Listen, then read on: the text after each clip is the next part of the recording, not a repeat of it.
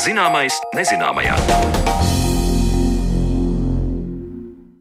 Esiet sveicināti! Šajā laikā, kā ierasts, savu skanējumu sāk raidījums Zināmais nezināmajā, un ar jums turpmāko stundu kopā Mariona Baltkalne. Šī raidījuma producente ir Paula Gulbīnska. Arī šodien mēs turpinām stāstīt par 5. Pasaules Latviešu zinātnieku kongresu un izcelsim pētnieku paveikto dažādās jomās.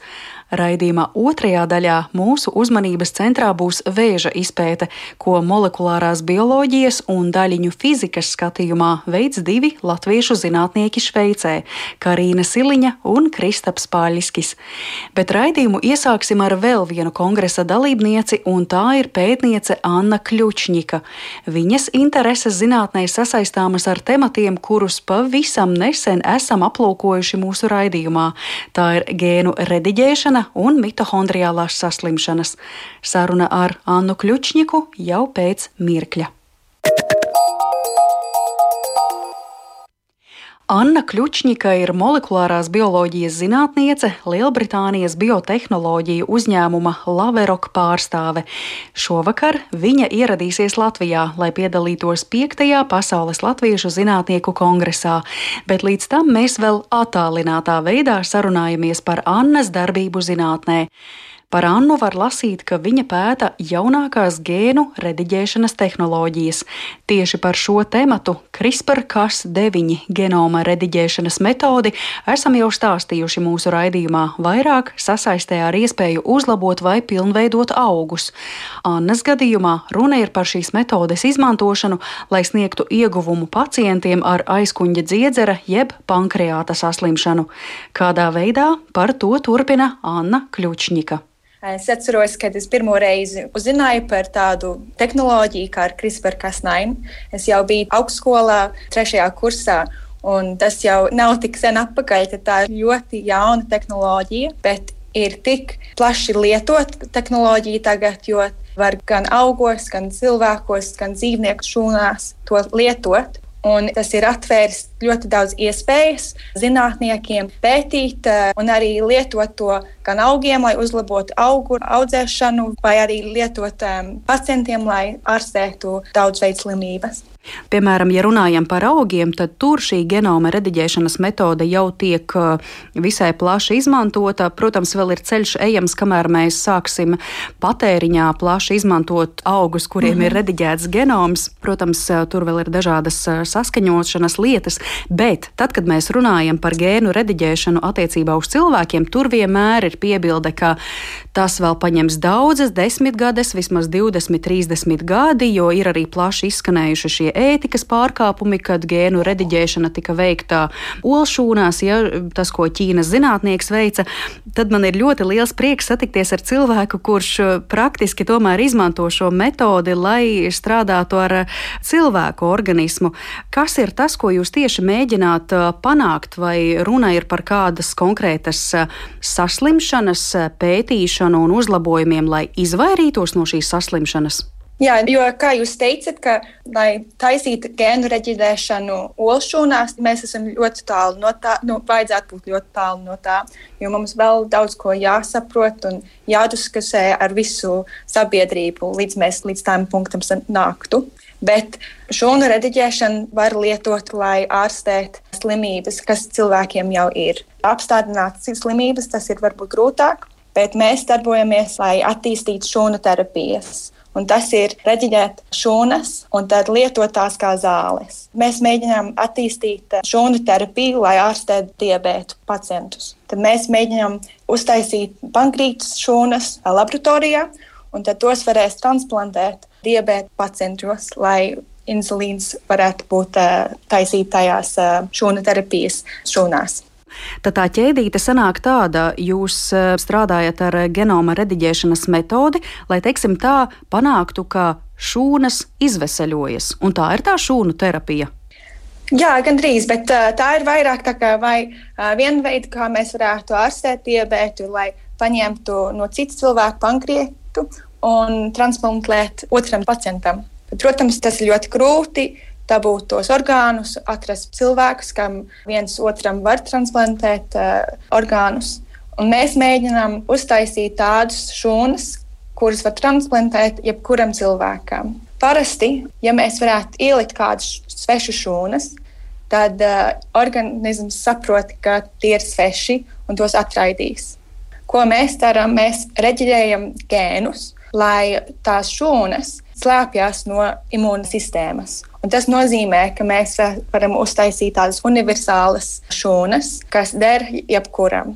Un pankrītas šūnas ir viens veids, kā mēs to varam izdarīt, bet tas arī ļauj mums ārstēt citas slimības. Piemēram, mēs varam arī mainīt uh, imūnas šūnas, lai tās ārstētu vēzi arī. Tad tas ir ļoti daudz iespējas, un vispār mēs reģējam ļoti daudz šūnu tipas, lai mēs varētu tās uh, saucāmas universālās šūnas lietot uh, daudzās uh, slimības ārstēšanai. Mm -hmm.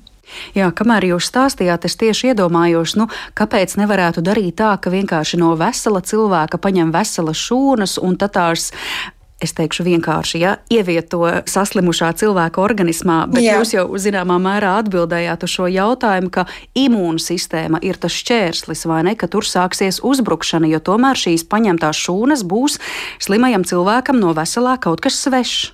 Tieši tā. Un ko mēs mēģinām darīt, ir rediģēt tās šūnas, lai vairāk uh, neparādās kā svešas. Uh, tad tām šūnām parasti ir uz šūnas ārējā daļa viss kaut kādi proteīni, kuri imūnsistēma var redzēt un saprot, ka tas ir svešs. Un ja mēs ņemam tās prom, lai vairāk nav šūnas ārējā daļa, tad tās šūnas var transplantēt cilvēkā un uh, nebūs atraidītas.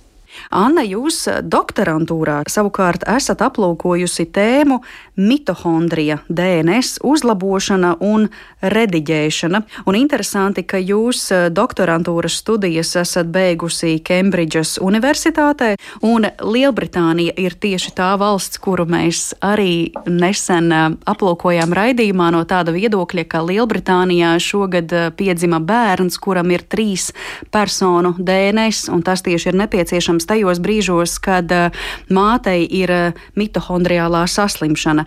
Vai šim nolūkam, tātad eh, iespējai palīdzēt cilvēkiem ar mitohondriālām saslimšanām, tas bija tas iemesls, kāpēc jūs pētījāt mitohondrija DNS uzlabošanu un rediģēšanu? Jā, tieši pareizi. Jā. Mēs darbojamies, lai saprastu vairāk, kā tādas mutācijas mitokondrijas DNS izvairojās un kāpēc tās mutācijas un DNS slimības ved uz mitokondrijas slimībām, kā tām mātēm, kam vajag to ārstēšanu un trīs vecāku bērnus.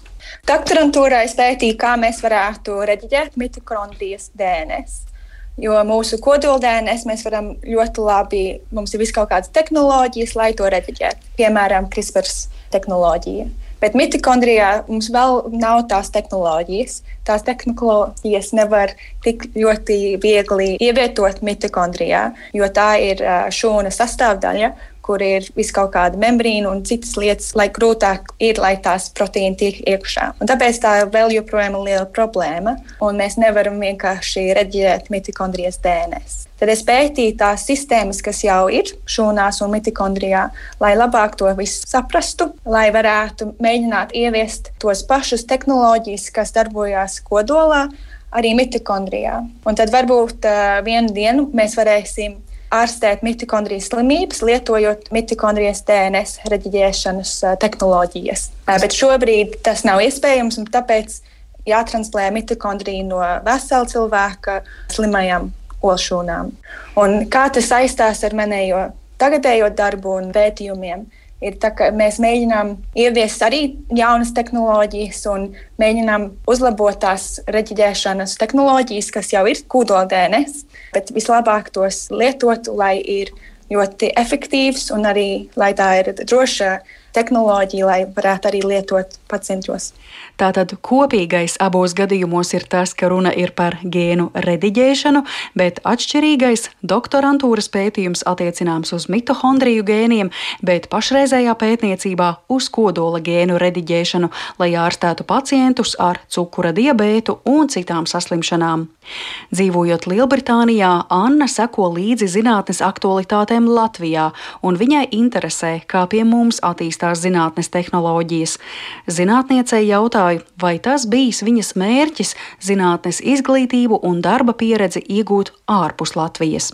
Nu, vispār daudz no tās bija ārpus manas rokas, jo es pārvācos ar ģimeni, kad man bija tikai viens gads no Latvijas uz Angliju. Tad es uzaugu Anglijā, visu skolu laiku bija Anglijā, un tad uh, bija tādas iespējas turpināt studēt uh, Anglijā un Kembridžā. Un, protams, tā bija ļoti iespaidīga uh, iespēja, un es ar to lielu prieku un lepnumu to izbaudīju. Šajā nedēļā jūs arī piedalāties 5. pasaules latviešu zinātnieku kongresā, un es saprotu, ka stāstīsiet par aktualitātēm tieši šūnu terapijā, vai ne? Jā, es būšu uz paneļa, kur mēs runāsim par zinātnes ietekmi un par uh, karjeru zinātnē. Un eh, kā jūs vispār saredzat nākotnē savu zinātnes turpmāko ceļu arī kaut kā daļēji attīstot Latvijā un turpinot būt eh, Lielbritānijā, vai pamatā arī jūsu zinātnes tālākais ceļš ir saistīts ar eh, Lielbritāniju? Es vēl nezinu, es vēl cītīgi domāju, kā tā nākotnē izskatīsies. Un uh, viss, kas man vislabāk patīk no zinātnes, ir, ka viss ir tik ļoti pārsteidzoši un nevar īsi zināt, kādas atklāšanās būs. Tad es vienmēr mēģinu būt ar atvērtām acīm, kādas iespējas sanāk man un var atrast un arī uh, izveidot tad es uh, ceru, ka varēs arī um, turpināt un augt saiknes ar Latvijas uh, zinātni. Ļoti ceru, ka zinātnes kongresa laikā es varēšu satikt daudz vairāk cilvēkus, lai varētu viskaut kādas diskusijas būt par kas notiekās un kā mēs varētu savienoties un sadarboties. Mm. Un iemetot tādu skatu vēl tikai nākotnē, kā jūs redzat šī šūnu terapija, kas primāri attiektos uz cukura diabēta pacientiem, bet varbūt arī citiem pacientiem, cik tuvu vai tālu mēs esam no tā? Man liekas, ka mēs esam vispār diezgan tuvu. Tādas ārstēšanas ir atļautas, tīpaši Amerikā. Man liekas, ka jo vairāk mēs redzam, cik efektīvas un drošas tās terapijas ir, jo ceru, ka tās terapijas būs atļautas vairākās vietās, jo tiešām tur ir ļoti lielas iespējas. Jā, nu to pieredze rāda, ka tas, par ko mēs runājām vēl pirms vairākiem gadiem, kā par tālu nākotni, tas šobrīd jau kļūst par mūsu realitāti. Paldies jums, Anna, par sarunu un lai izdodas viss tālākais jūsu darbā un veiksmīgu dalību 5. Pasaules Latviešu zinātnieku kongresā. Paldies!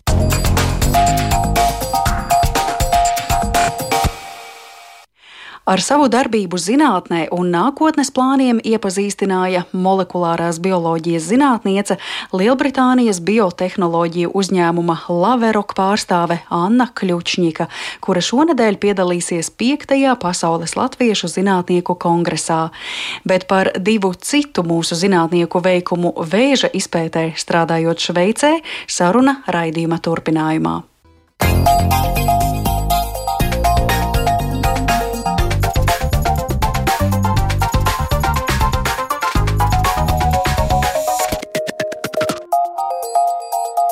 Zināmais nezināmajā. Turpinot sarunas ar un par diasporas zinātniekiem, šodien raidījumā tiksimies ar diviem pētniekiem, un abus vieno vēža izpēte Šveicē. Vienam no medicīnas un bioloģijas skatu punkta, otram no daļiņu fizikas aspekta. Kā fiziķi un inženieri var palīdzēt vēža terapijā un kāpēc vēža šūnas izsprūgs veikā cauri mūsu imūnsistēmas filtrā. Par to saruna mūsu raidījuma turpmākajās minūtēs, un ar prieku iepazīstinu ar abiem pētniekiem. Studijā ar mums kopā Rīgas Tehniskās Universitātes daļiņu fizikas un pātrinātāju tehnoloģiju institūta pētnieks un vienlaikus Eiropas kodolpētniecības centra CERN doktorants Kristaps Paļskis. Labdien! Labdien! Un attālināti mums pievienojas zinātniskās grupas vadītāja Šveices Federālajā tehnoloģiju institūtā Karīna Siliņa. Labdien! Labdien!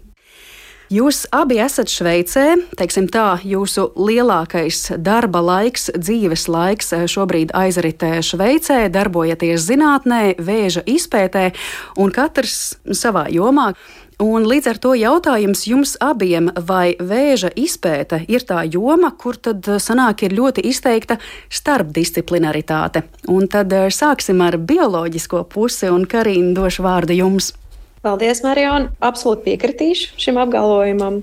Jo vēža šūnas un tas, kā viņas spēj iziet mikroevolucionāriem procesiem un kā mēs mēģinam viņus izprast un atrast jaunus veidus, kā viņus apturēt, tiešām ir nepieciešams zinātniekiem sadarboties no dažādām jomām. Un manā ikdienā galvenā sadarbība patiesībā šobrīd notiek nevis ar uh, fizikiem vai ķīmiķiem, bet drīzāk ar bioinformātiķiem un datu analīzes speciālistiem, jo tā arī ir sfēra pati par sevi un zinātne pati par sevi, kā pareizi izanalizēt datus no jaunākajām tehnoloģijām. Kristap, kāds ir jūsu skatījums? Nu, no manas puses, protams, teikšu, ka, ja vien studijā jūs jau redzat fiziku, tad man liekas, tas jau norāda uz to starpdisciplinaritāti. Mēs esam ļoti starpdisciplināras komandas, kur tiešām ir gan mediķi, gan biologi, gan fiziķi, gan tehnologi, gan ķīmiķi visi ļoti aktīvi iesaistīti gan diagnostikā, gan terapijā. Līdz ar to es pārstāvu šo viedokli, ka vēža izpēta, vēža ārstēšana tas tiešām ir ļoti starpdisciplināra sfēra. Un pēdējos gados arī man šķiet, var redzēt, ka tādi jaunākie atklājumi šajā sfērā tiešām rodas šo starpdisciplīnu robežās. Mm -hmm. Karina minēja tādu ikdienas tiešāku sadarbību ar bioinformātiķiem. Jūs strādājot eh, ar citiem fizikiem kopā, vai jūs arī ikdienā izteikti ņemat talkā vēl kādas jomas pārstāvi? Ikdienā es varbūt teiktu, gluži nē. Mans darbs vairāk ir tehnoloģija izstrāde vēža terapijai, tieši vienam no terapijas veidiem, staru terapijai. Līdz ar to viss, ko mēs darām, viss, ko mēs pētām, galu galā mums tiešām ļoti interesē, vai tas ir kaut kas, kas medicīnas pārstāvjiem interesēs, jo, kā dažreiz man šķiet, smējās fiziķiem ir dažādas trakas idejas. Bet vai šīs trakās idejas pāriet klīniskajā praksē, tiešām ir vajadzīga šī sadarbība ar ārstiem. Jo medicīnas personāls varbūt dažreiz ir mazliet konservatīvāks, varbūt mazliet grūtāk ir šī pārnese uz kaut ko pilnīgi jaunu, kaut ko pilnīgi inovatīvu nekad neredzētu.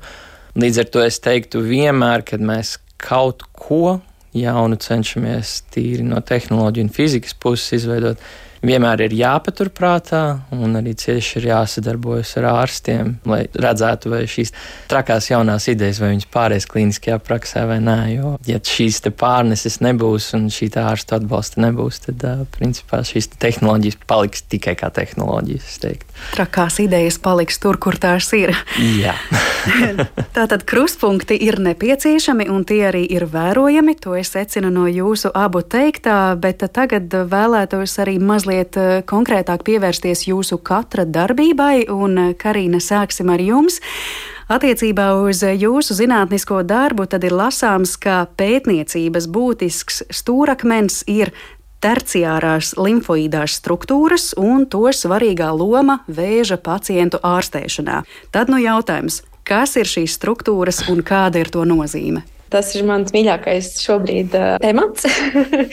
jā, man laboratorija nodarbojās ar šo terciāro struktūru pētīšanu, kādēļ tās veidojas, kā tās veidojas un kāda no viņām galbeigās jēga. Tātad, tad, kad mūsu orgāni un audi ir veseli, kad nav iekaisuma, nav nekādu traucēkļu, kā traumu vai, piemēram, augošu audzējs, tad mūsu audos imūnšūnas patiesībā ir ļoti, ļoti minimāli pārstāvētas. Tur ir pāris specifiskas imūnšūnas, kas patrulē riņķī, skatās, vai viss ir kārtībā. Bet tajā brīdī, kad notiek trauma vai infekcija, vai, piemēram, ir sākusies audzēja augšana, tas izdara spiedienu uz apkārtējiem orgāniem un audiem un viņus plēš. Tātad tā arī ir tāda lokāla trauma pats audzējs tad šīs patrulējošās imūnšūnas aktivējas un sāk savu ceļu caur limfātisko sistēmu uz limfmezgliem. Limfmezgli ir īstenībā mūsu imūnās sistēmas galvenais orgāns, kur mūsu imūnšūnas, kuras spēj iemācīties, kā kaut kas nepareizs izskatās un pret to cīnīties, dzīvo. Lūk, terciārās limfoīdās struktūras šķiet, ka atgādina limfmezglus, tikai viņas sāk veidoties pat tiešām iekšā pašos audos, kur ir traucējums. Tātad imūnās šūnas ceļo atpakaļ uz audiem, kur ir problēma, pateicoties tam, ka patrolētājas šūnas, kuras arī sauc profesionālā vārdā dendrītiskās šūnas, viņām ir devušas ziņu, ka tur kaut kas nepareizs notiek. Un imūnšūnas tādas kā T šūnas un B šūnas caur asinsrīti māk atrast mūsu ķermenī tās vietas, kur notiek iekaisums. Iekaisums ir tas stimuls, kāpēc imūnšūnām tagad gribās nākt un skatīties, kas notiek un ko viņas varētu darīt. Un terciārās limfoidās struktūras, kā jau nosaukums liecina, tik tiešām veido audos mini tādas anatomiskas struktūras, kas pēc sava izskata un iespējams arī pēc funkcijām atgādina limfmezglus. Tas nozīmē, ka šīs ir vietas, kur imūnšūnas spēj saņemt tādu īstu aktivāciju, un viņas pat spēj radīt atmiņas šūnas un spēj radīt efektorās šūnas, kas spēj nogalināt, piemēram, inficētās šūnas vai audzēju šūnas. Tātad tā hipotēze vispār šobrīd zinātnieku aprindās ir tāda, ka terciārās limfoidās struktūras mēs varētu mēģināt iemācīties izraisīt vēža pacientiem, kuriem tās neveidojas pašas no sevis. Tā interese to darīt ir tāda, ka Ja mēs salīdzinām vēža pacientus, kuros šīs struktūras veidojas eh, spontāni, tātad paša vēža izraisītā reakcijas rezultātā, šie pacienti izdzīvo krietni ilgāk nekā pacienti, kuru vēža audiem šīs struktūras nav veidojušās. Tad tā doma ir, ja jau mums ir tagad jauni mini līmfmezgliņi, kur imūnšūnām veidoties tieši pašā audzēja vidē, tad pacienta imūnsistēmai ir lielāks spēks un lielāka varbūtība cīnīties pret audzēju. Taču tas nav tik vienkārši. Ir dažni dažādi audzēju tipi. Mēs esam arī nesenā pagātnē sapratuši, ka ir arī pāris audzēji, kā piemēram nieraudzēji, kuros šīs struktūras patiesībā asociējas ar negatīvu dzīvildzi. Mēs mēģinām saprast tieši, kāda ir funkcija šīm struktūrām patiesībā, kad viņas veidojas audzējos, un vai viņu indukcija pacientiem, kuriem to trūks, tiešām varētu būt kā jauna terapijas pieeja, mm. lai cīnītos un stiprinātu pretvēžu imunoatbildi. Es gribēju precizēt un uh, saprast, vai es esmu pareizi sapratusi, ka šīs limfoidās struktūras jau visiem cilvēkiem mums normālos apstākļos organismā ir, bet tas, ko jūs izdarāt ar vēža pacientiem, jūs tā kā iedodat vēl vienu, nu neteiksim vienu, bet eh, papildu devas, lai cilvēks spētu cīnīties ar vēzi? Tātad pašas struktūras neeksistē normālos audos, bet, protams, mūsu ķermenī eksistē imūnšūnas, kas veido šīs struktūras. Un normālos apstākļos šīs imūnšūnas dzīvojās limfmezglā, gaida, kad atnāks dendrītiskās šūnas un viņas aktivēs, lai viņas varētu doties un cīnīties ar iekaisumu izraisošo aģentu. Tad, kad notiek audzējs vai hroniska infekcija, īstenībā laiks ir diezgan centrāls elements šajā procesā. Ja ir pietiekoši ilgs laiks dots, kurā orgāns ir tādā slimības stāvoklī, kā piemēram audzējs, kas veidojas mēnešu un gadu laikā, tad imūnšūnas spēj doties uz audiem un sākt organizēties tur struktūrās, kas atgādina līmfmezglu. Tad, tad būvēt jaunus mini līmfmezglīnus. Mm -hmm. Par vārdu struktūra skaidrs. Es vēl gribēju pajautāt par šo vārdu terciārs. Tas norāda uz kādu attīstības stadiju. Tas nozīmē, tīri tādā klasifikācijā, bioloģiskajā. Tad, tad mūsu imūnsistēma ir primārie limfoidie orgāni, kas ir orgāni, kuros imūnšūnas patiesībā ģenerējas no cilmes šūnām, kā kaulu smadzenes. Un tad ir sekundārie limfoidie orgāni, kas veidojās mums embrija attīstības laikā. Tātad limfmezgli, mandeles liesa. Šie ir sekundārie limfoidie orgāni. Tātad tie ir orgāni, kas mūsu ķermenī ir pēc definīcijas, un tie ir nu, fizioloģiski normāli orgāni programmēti mūsu attīstībā. Mm. Terciārās limfoidās struktūras tas ir vienkārši tāda hierarhijas trešā pakāpe, kur kā, organizācija un veidošanos spēj izraisīt iekaisuma reakciju. Viņi normāli nepastāv, bet viņi spēj rasties tad, kad ir vajadzība. Mm -hmm. Skaidrs, tad, eh, ko jūs mēģināt panākt, tātad pacientus stiprināt ar šīm limfoīdajām struktūrām, vai jūs vienlaikus skatāties arī uz otru pusi, uz šīm vēža šūnām, un kāpēc ir tā, ka šīs vēža šūnas spēj izsprukt cauri sveikā mūsu imūnsistēmas filtram, teiksim tā, apmuļķot mūsu imūnsistēmu? Tieši tā, tad katrs pacients, kas nonāk pie ārsta un kuram tiek uzstādīta diagnoze audzējs, Tad šis audzējs ir iemācījies izsprukt no imūnsistēmas kontroles, un ir dažni dažādi veidi, kā audzējs šūnas to spēj izdarīt. Un viens no veidiem, kas patiesībā pēdējos gados tika atklāts un izveidots par terapiju, tā saucamā imūnu kontrolpunktu blokāde, ir šobrīd mainījusi vispār, kā mēs ārstējam audzēju, kā ir tā filozofija.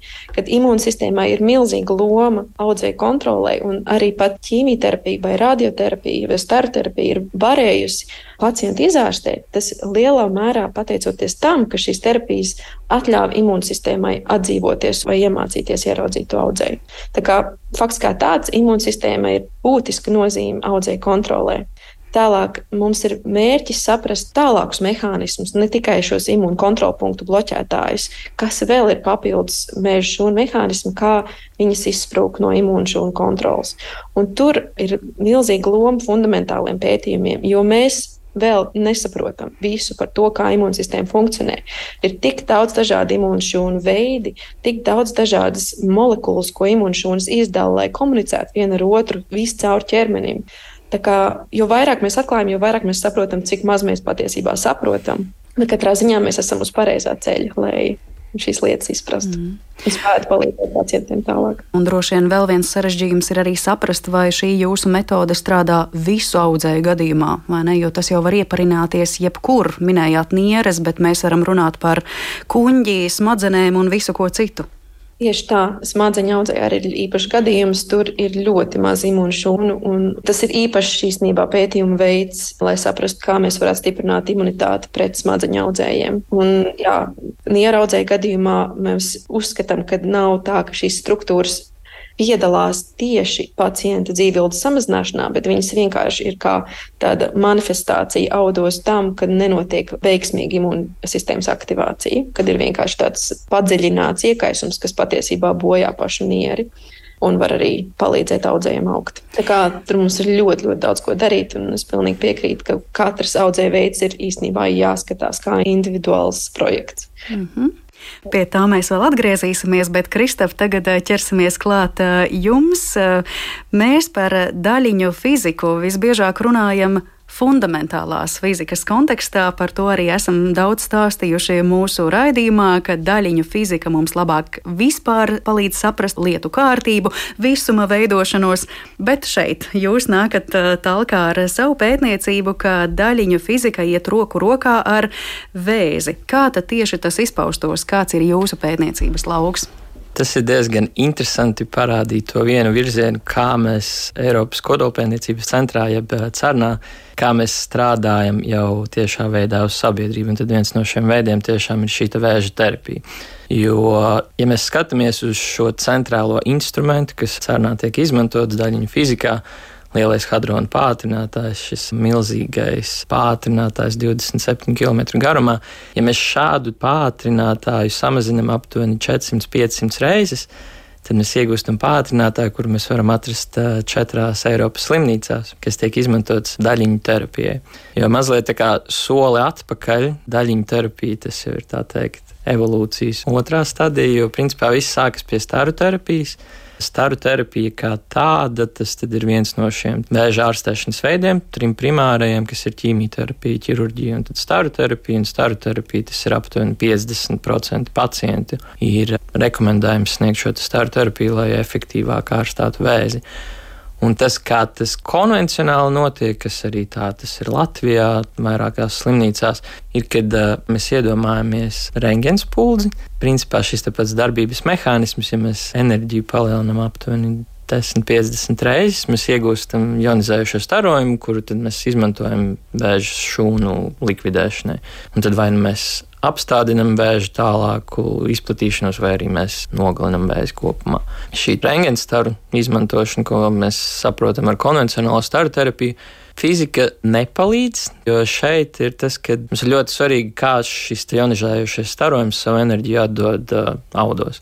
Mēs gribētu visu enerģiju audzējā, un nekāda enerģija nav apkārt, jo tad mēs sasniedzam maksimālo efektu, ko mēs vēlamies audzējā, un tad mums nav nekādu blakus efektu apkārtējā. Diemžēl tā tas nav ar šo fotonu, ar šo rengenstaru starojumu. Šis maksimums, kur mēs iedodam maksimālu enerģiju, ir ļoti tuvu ādai. Līdz ar to, lai to apietu, tad mums ir jāizmanto apstarošana no ļoti daudziem virzieniem, un tad mēs tā teikt šo enerģiju jau varam koncentrēt audzē, un tas ir principā kā modernā konvencionālā staru terapija notiek. Daļiņu terapijai fizika nāk tālāk, jo protoni un arī smagākas šīs saliktās daļiņas joni Viņi savu enerģiju atdod tieši tur, kur mēs vēlētos. Viņi viņu atdod konkrētā dziļumā. Un, līdz ar to šādā veidā fizika mums tiešām palīdz efektīvāk panākt to, ko mēs vēlamies. Mēs atdodam maksimāli šo starojumu davu absorbēto dozu audzējā, un tad mēs minimāli apstarojam veselos audus. Līdz ar to mēs būtiski tiešām palielinam varbūtību kontrolēt audzēju un vienlaikus samazinam šo veselo audu komplikāciju risku. Un tad mana centrālā pētniecība ir uz tā teikt jaunu paradigmu staru terapijā, jo tradicionāla terapija viens šī apstarošanas reize tas noris minūšu laikā. Pēdējos gados ir diezgan izgaismojis, ka viens no aktuālākajiem tādai pētniecības jautājumiem ir staru terapijā ir uh, flash terapija, kad mēs principā mainām paradigmu, kā mēs ārstējam vēzi. Mēs pārējām no šīs minūšu skalas, kas ir konvencionālā terapijā, visu šo starojumu daudzumu, mēs viņu pievedam milisekundžu laikā. Mēs nemaz neredzam šo mirkli, jo parasti šī procedūra noris diezgan ilgi un iekārta griežas apkārt ap pacientu, un tiešām šis ilgs process. Šeit tas notiktu acu mirklīgi. Un kāpēc tas ir tiešām tik ļoti aktuāls jautājums, ir no bioloģijas puses, ko biologi ir parādījuši, ir, kad mēs veicam šo apstrošanu milisekundžu laikā, tad šie negatīvie efekti no radiācijas iedarbības veselajos audos būtiski samazinās. Bet to, ko mēs izdarām vēža šūnās, tas vēl joprojām ir tajā pašā līmenī. Līdz ar to mēs palielinām terapeitisko logu, kā to sauc. Ar šo milisekundžu apstarošanu mēs būtiski samazinām veselo audu komplikācijas, saglabājot to efektu, ko mēs panākam mēzī. Un tas principā ir centrālais, ko mēs vienmēr esam gribējuši staru terapijā. Lai gan šis efekts ir pierādīts, tāda vienota kopsaucēja, kāpēc tas notiek, tas diemžēl vēl nav. Un tad uh, viens virziens tiešām jā, izskaidrot šo efektu, es vairāk esmu kā izmantot šo efektu. Jo tad, tā mūsu pētniecības grupa, pie kā mēs strādājam, ir šī jauna terapija. Grupa, kas izstrādā pātrinātājus, kas ir teikt, nākošā paudze jaunu terapijā, un tad kā tehniski integrēt šo te flash terapiju, jo milisekundžu apstarošana tas nav nemaz tik viegli tehnoloģiski izdarāms. Tur principā ir jāmaina teikt, visi priekšstati, kā mēs veicam terapiju šobrīd gan tas būtu konvencionālajā, gan daļiņu terapijā. Mums ir arī jāmaina ne tikai klīniskā pieeja, bet arī kā mēs varam to panākt ar iekārtām. Mm, jā, no acīm redzot, tas ir arī skaidrojums tam, kāpēc tas tik ilgi nav bijis iespējams, jo pēc jūsu teiktā liekas tik loģiski un saprotami, ka mēs to izdarām ātri un mēs iedarbojamies tieši uz vēža šūnām, lai neskartu veselos cilvēka audus, bet tā tehnoloģiski to izdarīt, tas nemaz nav bijis tik vienkārši. Jā, jo uz ko mēs vairāk esam virzījušies staru terapijas attīstībā, tas tiešām ir uh, veselu audu pasargāšana ar to, kā mēs formējam šo staru kūlu, kad mēs virzienus, no kurienes mēs apstarojam, arī starojam enerģiju, izmainām tā, kad šī doze ir maksimāli cieša paudzē, tieši kur mēs gribētu. Bet fizika paliek fizika, mums ir starojuma daudzums arī veselajos audos, līdz ar to ir šie negatīvi efekti. Protams, mēs viņus esam maksimāli minimizējuši. Tiešām ir ļoti daudz veidu, kā tas ir panākts. Šis flash efekts, pirmie pētījumi šūnu līmenī, ja nemaldos, tiešām jau bija parādīti pagājušajā gadsimtā. Bet tiešām vairāk bija saprast, vai šis efekts, kad viņš ir parādīts šūnās, vai tas tiešām tieši tāpat translēsies, kad mēs šo terapiju veiktu pacientos. Un tad otrs ir tiešām tas, kā jūs to teicāt, kad nav nemaz tik viegli šīs iekārtas pielāgot. Jo viens ir tas, ka ar to, ko es minēju, ir, kad mēs esam panākuši šo veidu, kā mēs radiāciju tā teikt manipulējam, maksimāli panākam viņas atrašanos tur, kur mēs to vēlamies. Pārējot uz šo milisekundžu apstarošanu, mēs gribam saglabāt šo te, līdz ar to visi šie ļoti avansētie tehnoloģiskie risinājumi, kas panāk šo manipulāciju radiāciju, translēt viņus uz milisekundžu skalu, tas tiešām ir ļoti grūti. Protams, pētniecība ir ļoti aktīvi virzīta, lai mēs varam šo līmeni, kas mums ir konvencionālajā terapijā, gan ar uh, rengenstariem, gan ar daļiņām. Visu, ko mēs tehnoloģiski esam panākuši tur, mēs to varētu paņemt un izmantot ar šo te flash terapiju un tiešām panākt daudz, daudz labāku mm. efektu. Flash terapiju laikam varam nosaukt par zipspolidzes teoriju. jā, jā, jā. Kaut kas īss un acu mirklīgs. Un Jā. kā jūs redzat, cik tālu jūs esat no tādas praktiskās pielietojamības šai metodei un arī kādiem vēža veidiem? ir tā teikt, divi virzieni. Teiktu, ir viens, ka mēs tiešām gribam jau šo klīnisko translāciju šeit metodē, otrs ir tas, ka mēs gribētu saprast līdz pašam, pašam pēdējiem, tiešām, kāpēc šis flash efekts notiek. Un, ja mēs skatāmies uz šo klīnisko translāciju, tad pirmais klīniskais pētījums pagājušajā gadā jau noslēdzās Amerikas Savienotajās valstīs kas bija vērsts tīri uz uh, šo flash terapijas izpēti, uh, kaulu metastāžu ārstēšanā. Un tika parādīts, ka, ja mēs skatāmies ļoti šaurā laika logā, tad mums šī efektivitāte jau ir tāda pati kā parastēji staru terapijai, tad, protams, ir svarīga ilgtermiņa pacientu izsakošana, jo ļoti daudz šīs reakcijas, kas notiek pēc staru terapijas, tas nenotiek dienu, mēnešu laikā, ir tiešām šīs ilgtermiņa blakus parādības. Un pētījumā, principā, jā, viņi parādīja to, ka tas jau ir izdarāms ar līdzšinēju efektivitāti, plus tas, ka tas ir tehnoloģiski iespējams un tā teikt, darba plūsma ir diezgan realistiska. Protams, lai mēs pārietu pie pilnas kliniskās translācijas, būtu ļoti, ļoti svarīgi tiešām visu līdz pēdējiem saprast ar šo bioloģisko efektu. Līdz ar to ir ļoti daudz gan šūnu pētījumu un diezgan labs virziens, manuprāt, ko es esmu redzējis, ir tas, ka tā nav preklīniskie pētījumi, kā mēs to parasti saprotam, kad mums ir laboratorijas pelītes, kurām mēs ievedam audzējus un tad uh, skatāmies, kāda ir šī efektivitāte. Plašs virziens ir, kad mēs šo flash terapiju pētām uz uh, veterināriem pacientiem. Kad principā redzams, ka šis iznākums nebūs vēlamais, tad dzīvnieku īpašniekam tiek piedāvāts, ka viens no variantiem ir šī eksperimentāla metode, flash terapija. Un tad rezultāts ir vai nu pilnīgi fatāls, vai ir šis eksperimentāls. Šis ir virziens, kur tiešām arī parādīts jau to, ka klīniski jau to varētu izdarīt. Un tiešām šeit ir iegūti ļoti daudz labi preklīniskie rezultāti un tam līdzīgi. Bet attiecībā uz kādiem konkrētiem vēža veidiem? Viens no visbiežāk, ko es esmu redzējis, tas ir plaušu audzē. Tas ir daudz parādīts plaušu šūnās, kad tiešām samazinās šī fibroze, kas ir pēc apstarošanas. Un uh, otrs, kur diezgan aktīvi, tas ir arī uh, ādas audzējiem. Mm. Tas ir arī ļoti svarīgs virziens, tiešām saprast, kur mēs to visvairāk varētu klīniski izmantot. Ļoti svarīga šī translācija ir, kā mēs varam pielāgot šīs esošās iekārtas un ražotāji gan komerciāli pieejamajām iekārtām pie tā strādā sadarbībā ar zinātnieku grupām, kā arī ir dažādi pilnīgi jaunu pātrinātāju kompleksu projektu idejas.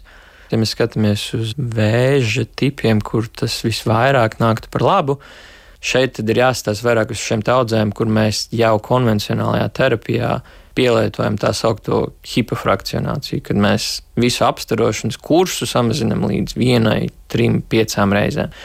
Tas, kāpēc es jums abiem par šiem vēža veidiem jautāju, jo mums pirms kāda laika raidījumā bija saruna ar Viljamu Morisu par nākotnes laboratorijām, un viņš pārstāv uzņēmumu ASV. Un eh, savā intervijā viņš minēja, ka nākotnē mums vispār uz vēzi ir jālūkojas nevis kā uz vienu saslimšanu vienā konkrētā orgānā, piemēram, prostatas vēzi, bet drīzāk vēzis ir jāuztver kā vairākas slimības vienopus. Līdz ar to laboratoriju attīstība nākotnē un biomarķieru, piemēram, cilvēka asinīs esošo proteīnu izmantošana diagnostikai ļautu tad arī precīzāk atklāt vēzi un to arī ārstēt ārstēt. Un tagad man jautājums, es tā diezgan nešpatni jums jautāju par tiem vēža veidiem, bet vai jūsu darbībā tomēr arī ienāk šāda filozofija, vai jūs darbojaties saskaņā ar tādu, ka reizēm stāsts arī nav tikai par vienu vēzi vienā orgānā? Karīna, kā ir? Jā, Marija, un vēža pētniecība un vēža ārstniecība ir patiesībā tā sfēra, kurā visvairāk, manuprāt, izpaužās nepieciešamība pieiet katram pacientam individuāli. Šo kopumā sauc par personalizēto terapiju vai personalizēto medicīnu. Tas ir viens ļoti aktuāls jautājums visā pētniecības jomā. Un kāpēc tā ir? Jo mums tā tad ir vairāk tūkstoši gēnu un katra audzēja šūna nekontrolējot, vairojoties, var katrā no šiem gēniem radīt dažādas izmaiņas, kas patiesībā ir atšķirīgas pat vienai audzēšanai no otras tajā pašā pacientā. Un, ja kāda terapija ir efektīva, ļoti bieži ir tā, ka viens metastātiskais bojājums reaģē uz šo terapiju, kamēr cits nereaģē. Tātad tur ir citas ģenētiskās īpašības pamatā. Tad pat viena pacienta ietvaros jau mums ir problēma izārstēt pacientu un tik galā ar visiem audzēju pūžņiem, metastāzēm. Tātad. Jā, tā, kā, tā ir mana ikdiena, es teikšu tā. Diemžēl eksperimentāli mēs neesam tikuši tik tālu, lai varētu precīzi modulēt mūsu eksperimentālajās sistēmās, vai tā būtu vēža šūnu kultivēšana inkubatoros, vai tā būtu vēža šūnu injekcija vai inducēšana pelītēs tā daudzveidība, kas notiek cilvēkos, šobrīd nav iespējams modulēt viņu eksperimentāli. Kas arī ir, manuprāt, viens no lielajiem iemesliem, kādēļ vairākas terapijas, kas eksperimentālajos pētījumos šķiet ļoti perspektīvas un ar pozitīviem efektiem, pacientos patiesībā nestrādā. Tā, kā, tā ir mūsu ikdiena patiesībā. Mm. Mēs esam devuši šo nosaukumu vēzis, bet zem tā viena jumta iespējams ir ļoti, ļoti daudz viskaut kas. Kristap, jūs arī piekrītat šādai filozofijai? Principā es arī noteikti tam piekrītu, jā. Jo, kā arī kolēģi minēja, ir šis virziens, arī manuprāt, kur tā teikt, visvairāk tiek piesaukts kā nākotne vēža terapijā, tiešām ir šī personalizētā medicīna, ja precīzijas medicīna. Tīri, ja tam skatās, kā tas tiek realizēts staru terapijā, interesantie pieejami, es teiktu, nākotnē, un arī kas jau mazliet sāk ienākt klīniskajā vidē, ir, ka mēs neustveram vairs šo vēža apjomu, ko mēs vēlamies apsturot. Mēs viņu neustveram kā homogēnu masu, jo tā nav. Mm. Un tad Staru terapijā tas pieejams ir, kad mēs ar diagnostikas metodēm, kas ir šī nukleārā medicīna, mēs ievadītu radioaktīvos izotopus, kur mēs varam izgaismot šo vēža funkcionalitāti. Tas arī viens virziens, pie kā Eiropas kodola pētniecības centra pētnieki strādā ar šādu jaunu radioizotopu izstrādāšanu. Bet atgriežoties pie tā principa, ir, ka mēs varētu redzēt, kur ir vairāk šie funkcionāli aktīvie reģioni vēzi, un principā pielāgot to apstarošanas plānu tieši konkrēti pacientam. Jo šobrīd jums ir teikt, prostatas audzējs, teiksim tā, staru terapijā mēs viņu uztveram principā vienādi. Tīri no fizikas puses, kā mēs gribētu piegādāt šo starojumu. Tas jaunais pieejams, es teiktu, vairāk ir tiešām, ka mēs skatāmies, kur ir šie funkcionālie reģioni, tā teikt, kur ir aktīvāk, tad mēs pievadītu atkal vairāk šo starojumu dozu, tur, kur ir mazāk aktīvi, tur mēs pievadītu mazāku dozu, un līdzīgi pieejami ir arī veselu audu sargāšanai. Tikpat cik cimperlīgs ir vēzis, tik uh, daudz mums arī, teiksim, tā ir jādanco tam līdzi, bet, protams, tas viss eh, pacientu labā. Bet visbeidzot par piekto pasaules latviešu zinātnieku kongresu. Karina, jūs šonadēļ būsiet Latvijā, bet ikdienā esat eh, Šveicē. Kādas ir pārdomas par zinātnī tur un šeit, Latvijā? Šveicē jūs esat daudzus gadus. Jā, nu jau ir devītais gads, kopš es esmu Šveicē. Visu laiku esmu bijusi Cīrihē, no sākuma Cīrihas Universitātē, tagad Federālajā institūtā. Abas šīs ir milzīgas pasaules līmeņa universitātes, un, protams, ar pasaules līmeņa konkurenci. Manuprāt, tā lielākā atšķirība, nu, nerunājot, protams, par finansējumu apjomu, tā lielākā atšķirība tomēr ir tajā intensitātē. Dzīvojot Latvijā, studējot Latvijā, es kaut kā nebiju gatavojusies tam, cik ļoti traka konkurence patiesībā eksistē pasaulē, lai tu kļūtu par zinātnieku, lai tev būtu tiesības vadīt grupu, lai tev būtu tiesības pieteikties uz grantiem vispār pašā sākumā. Tas ir bijis tāds apzināts ceļš, lekt iekšā šādā konkurencē. Protams, zinātniekam ir ļoti būtiski izbaudīt dažādas pētnieciskās vides. Tāpēc ir ļoti ieteikts, tu studē doktorantūrā, kaut kur tomēr izmantot iespējas un strādāt citās pasaules valstīs un skatīties, kā zinātne strādā citur. Tas nevien ļauj redzēt dažādas tehnoloģijas, bet arī ļauj redzēt, kā cilvēki atšķirīgi pieeja un risina dažādas problēmas. Tas ir īstenībā patiesībā ļoti būtiska zinātnieka audzināšanas daļa, ja tā var teikt. Mans tas lēmums nāca no viena tāda finansiāla aspekta, jo tajā brīdī bija pārtraukums Eiropas Savienības grantiem. Un Latvijas valdība nespēja aizvietot trūkstošo Eiropas Savienības grantu naudu tajā periodā. Tādēļ man arī tā laika vadītāja teica, ka, Kariņa, ja tev ir iespēja kaut kur šobrīd doties, tad dodies, jo nu, vienkārši būs ļoti grūti. Un man tā izdevība radās. Es uzrakstīju grantu, kas bija Šveices valdības sadarbības granti ar jaunajām Eiropas Savienības dalību valstīm, un šo projektu atbalstīja.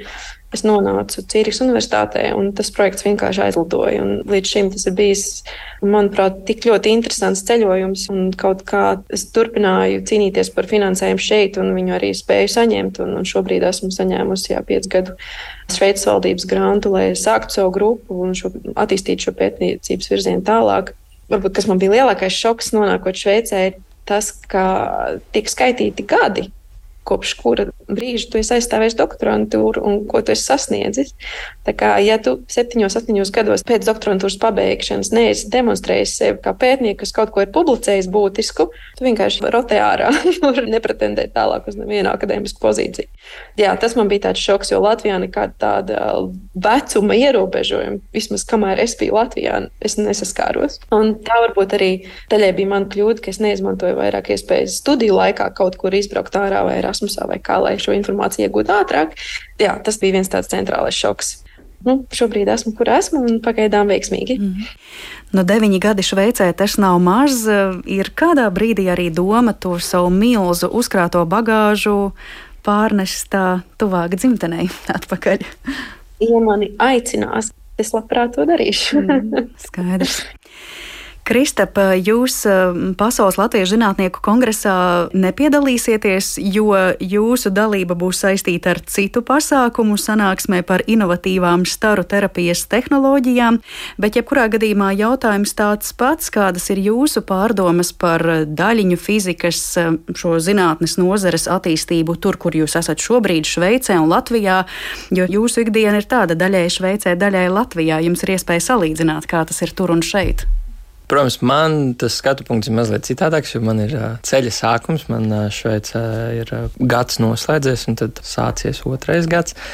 Tas lielākais pluss, ko es redzu mums, kā doktorantiem no Rīgas Tehniskās Universitātes, kad mums ir šī iespēja būt doktorantiem Eiropas kodolpētniecības centrā, ir tas, ka mēs varam būt šajos lielajos zinātnes projektos, būt uh, maza daļiņa no lielās puzles, vienlaicīgi esot uh, joprojām sasaistīti ar Latviju. Ir to tā teikt, neaizmirst par mājām. Ja mēs skatāmies uz atšķirībām, ko var iemācīties, ko gribētos pārnest, uh, pārvadoties atpakaļ mājās, Es teiktu, Eiropas kodolpētniecības centrā tas, ko mēs visvairāk redzam, manuprāt, ir milzīgā sadarbības loma.